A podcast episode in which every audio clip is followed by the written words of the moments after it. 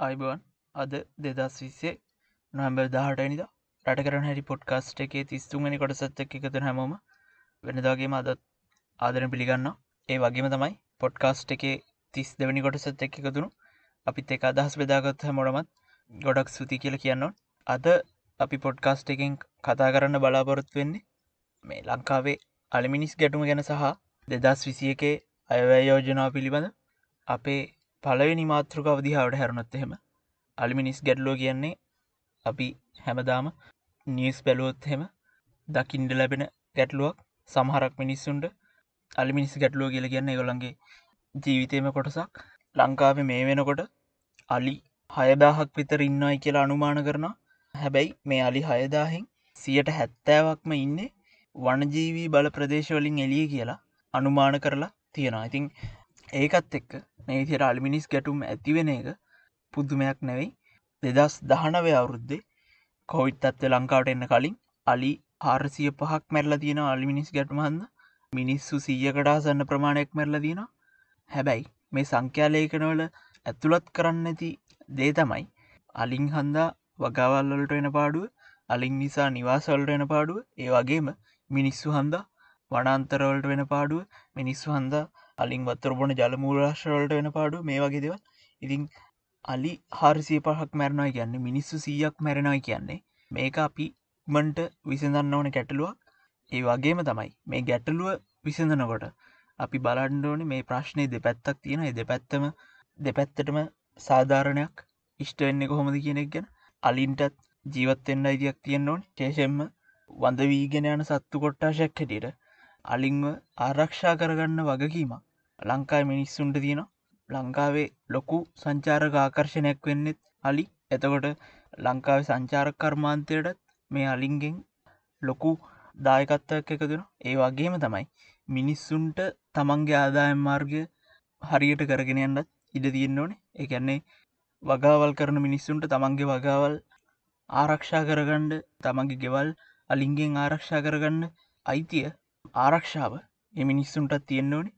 ඉතිං මේක දිහ බැලුවාම අපිට අපි තේරුම් ගන්න ඕනෙ දේ තමයි මිනිස්සු වැඩිපුර කෑම පාවිච්චි කරනත් එක්කම ඉල්ලුම ඉහලනත් එක්කම ගොවියෝ වැඩිපුර වගා කරන එතකොට කැලෑවල් කපන ව්‍යාපාර ඇවිල්ලා ගස් කපනවා ලීවලඩිකුණන්ට බෙහෙත්වලඩිකුණන්න තකොට ව්‍යාපාරැවිල්ල තමන්ගේ කො පාරවල් කපන හෙමනැත්තං හොටෙල් හදනවා. මේ වගේ අලින්ට ඉන්ඩ තියෙන ඉඩ ප්‍රමාණය මිනිස්සුන්ගේ ක්‍රියාකාරකම් හන්ද එන්ඩෙන්ඩ අඩුවෙන අලින්ට කණ්ඩ තියෙන කෑම ප්‍රමාණය අඩුවෙන අලින්ට වතුර බොන්න තියෙන ජල මූලාශ්්‍රටික එන්නෙන් අඩුවෙන එත්තකොට අන්තිමට අලින්ට සිද්ධ වෙන්නේ මිනිස්සු ජීවත්වෙන ගම්මානවලට එන එක. මිනිස්සු කරන වගවල්ලට ඇවිල්ලා ඒ වගවල්ල වල තියෙන දෙවල් කණ එක. එතකොට අපි තේරුම් ගන්න ඕනෙදේ තමයි මෙතන තියෙන්නේ ඉඩම් ප්‍රශ්නයක්. අලින්ගෙයි මිනිස්සුන්ගේ අතරේ ඉඩම් ගැටලුවක් හන්ද තමයි අද වෙනකොට අවුරුද්ධකට අලි හාරසියක් විතර මිනිස්සු සීයක් විතර මැරිලෑන් ඉතිං රජය හැටියට මේ වෙලාවේ කරන්න ඕනේ ක්‍රියාමාර්ගය තමයි ලංකාවේ අලි ජීවත්වන ඒ වනජීවී ප්‍රදේශ හරියට මනින එක ඒ වනජීවී ප්‍රදේශවල මාහිම්ටික හරියට ලකුණු කරන එක. ඒ ලකුණු කරලා ඒවා ඩිජිටල් මැප් එකකට දානක ඊට පස්සේ රජයට වගකීමක් තියෙනවා. මේක තරම මොනිට කරන්න. එකන්නේ මිනිස්සු හොරෙන් වගවල් කරන්න කැලා විනාශ කරනවද? හෙමනත්තම් ව්‍යාපාරවලින් හොරෙන් තමන්ගේ බිස්නස් එක කරන්න හොටෙල්ල එක පටන්ගන්න හොරෙන් කැලෑවල් කපනද වගේ දේවල්? මොනිට කරන්න වගකීමක් රජයට තියෙනවා. ඒකට අපි හිතනවා අර එසම් චන්ද්‍රසයන ලංකාව වනජීවිභාර ඇමතිවරය තුවක්කු බෙදෙන සල්ලි වලින් අලිංව ට්‍රැක් කරන්න ව්‍යපෘතියක් පටන් ගත්තනම් වනන්තර ප්‍රමාණි ට්‍රැක් කරන්න ව්‍යාපෘතියක් පටන් ගත්තනම් පිහිතන එක තුවක්කු බෙදනට ඩිය හොඳ පියවරක් කියලා. ඩැඩිය හොඳ සාර්ථක පියවරක් කියලා. ඒ වගේම තමයි මේ පාර අයවයෙන් අලි මිනිස් ගැටලු විසඳන්න රුපියල් බිලියන තුනක් වෙන් කරලා තියෙන එතකොට එතකොට කාටවත් කියන්න බැහැ මුදල් අඩුක මහන්ද තියෙන ප්‍රශ්නයක් කියලා. මේකට මුදල් වෙන් කරලා තිබිලත් අලින්ට වැඩි තියෙන වැරෙන්ඩ එතනින් එහාට කියපු දීර්ඝ කාලීන විසිඳුමක් ගැන පරීක්ෂණ කරන්න රජයෙන් ක්‍රියාමාර්ග නොගන්න එක තටම කනගාටුවෙන් ඕනි කාරණක් ඉතින් අපි හිතනවා ඉස්සරහටත්. දෙදස් විසිය කවුරුද්ධවත් තුවක්වලින් මේ ප්‍රශ්න විසිඳන්න නැතුව දීර්ඝ කාලීන විසිඳුමක් හැටියට මේ වනජීවී ඉඩම් ටික මැනලා ඒවල සීමාවල් මාක් කරලා ඒ ඉඩම් සහ අලි ට්‍රැක් කිරීම තුළින් මේ අලිමිනිස් ගැටලුව මීට වැඩිය සාර්ථක විසඳන්න ව්‍යපෘතියක් පටන්ගත්තොත් හොඳයි කියලා. ඉතින් ඒක තම අපිට අලිමිනිස් ගැටලු ගැන කියන්න තියෙනදේ අපි ඊලාට කතා කරන්න බලාපොරොත්තු වෙන්නේ දෙදස් විසේ කවුරුද්ධට යෝජනා කරලා තියෙන අයවෑ ගැන. ඉතිං ඕගලන්ට මේ පොඩ්කාස්ට එක ඩිස්ක්‍රපෂන් එකින් බලාගත්ත හැකි ඒ ලිංක් දෙකට ගියොත්හෙම දෙදස් විසේ කවුරුද්ධට රජයෙන් යෝජනා කරලා තියෙන විසර්ජන කෙටුම් පත සහ දෙදස් විසියකවරුද්දේ අයවැය කතාව. තිං මුලින්ම අපි සමස්තයක් හැඩට දෙදස් විසියකවරුද්දේ අයවැදිහ බැලු අයවැදිහාට හැරුණාම රජයේ මුළු වියදම රුපියල් බිලියන තුන්දස් පන්සි විසි පහක් රජයේ මුළු ආදායම රුපියල් බිලියන එක්දස් නවසි හැට එකක්. එතකොට මේ දෙකතර වෙනස රුපියල් බිලියන එක්දස් පන්සිය හැට හතරක් එකන රුපියල් බිලියන එක්දස් පන්සි හැට හතරක් රජය ආදාමින් පිට පිට ගිහිල්ල ගැන නය නයටතේ හොයාගණ්ඩුවන් ඊට පස්සේ අපි විසර්ජනකටුම් පතිදිහට හැරනොත්තේම රජේ මේ මුදල් වියදන් කරන්න කොහොමද කියන කාරණාදී හට හැරනොත්තේම ජනාධිපතිවරයට රුපියල් බිලියන නවදශම තුනක් වෙන් කරලා තියෙනවා. ඒ වේදංවලට අගමතිවරයට රුපියල් බිලියන එකදශම එකක් වෙන් කරලා තියෙනවා. මේකේ එක හොඳ කාරණාවක් තමයි මේ වෙද වෙන් කරලා තියෙන මුදල් ප්‍රමාණය දෙදස් දහනාවට වැඩි අඩුයි. ඉතින් ඒ අපි දකින්න හොඳ දෙයක් විදිහට.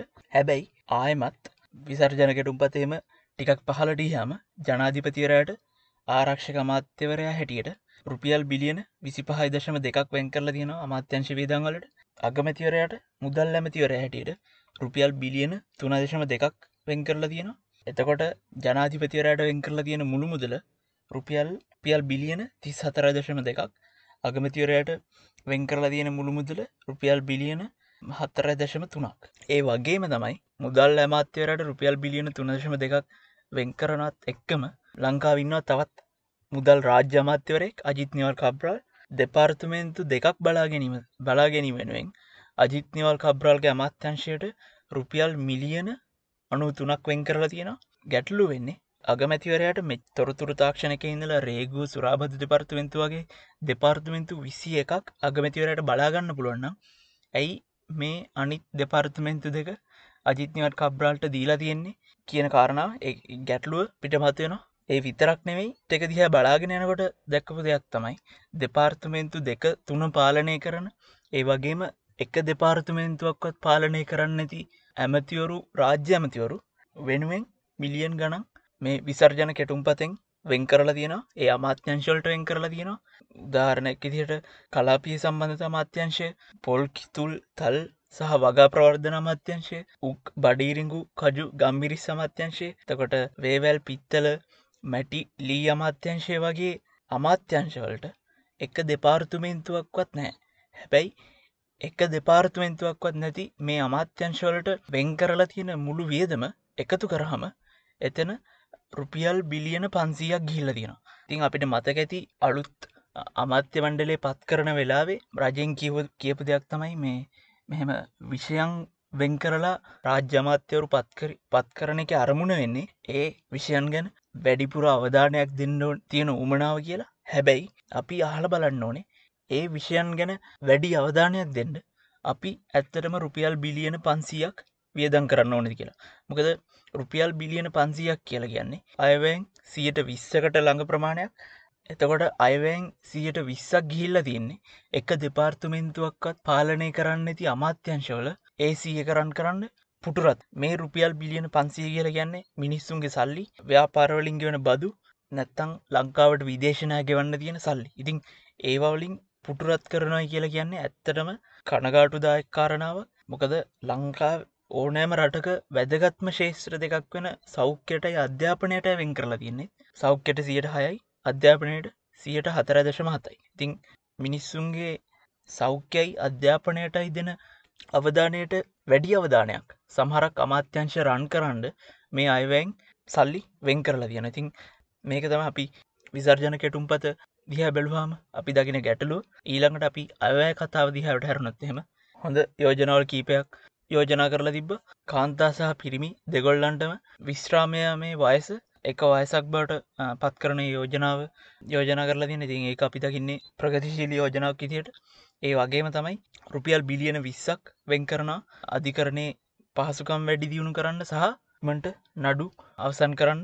ඒ වගේම දෙදස් විසිතුනනකොට ලංකාව මුළු විදුලි උත්පාදනයෙන් සියට හැක්තෑවක් පුනර්ජනනීය බලශක්තිවලින් නිෂ්පාදනය කරනයි කියන යෝජනාව මේ අයවැන් ඉදිරිපත් කරලා තියෙනවා. හැබැයි ඒ අයවැයම එකක් පහලට ගියාම තවත් යෝජනාවක් කරලා තියෙන මෙගාවොට් තුන්සියක ගල්ලංගුරු බලාගාරයකුයි මෙගාවොට් හයිසියක ගෑස් බලාගාරයකුයි හදන්න ඕනි කියලා. ඉතින් මේ ටාගට් දෙක එකිනෙකට ගැලපෙන්නේ කොහොමද කියන ප්‍රශ්නය හැමෝට මතුවෙන. ඒ වගේම තමයි තවත් හොඳ යෝජනාවක් තියෙන තේවතු සේවකන්ගේ අවමටුප රුපියල් දාහක් කරනවා කියල අලුත් බුද්ධි මේ දේපල නීති සහ තොරතුරු තාක්ෂණ නීති හදන්ඩ යෝජනා කරලා තියෙනවා. ඒ වගේම තාක්ෂණික මධ්‍යස්ථාන පහ තොරතුරු තාක්ෂණික මධ්‍යස්ථාන පහක් හදන්ඩ යෝජනා කරලා තියෙනවා. හැබැයි අපිට හැමෝට මතකැති පහුගේ ජනාධිපතිවරණදී ප්‍රධාන අපේක්ෂක දෙන්නම කියපු කතාවක් තමයි ලංකාව මේ තොරතුරු තාක්ෂණ විගයට ඉක්මට අරගෙන යන්න ඕනේ. අපි පස්සට ගිහිල්ල ඉන්නනම් ලෝක ඇත් එක්ක එක ලෙවල් එකටෙන්න්න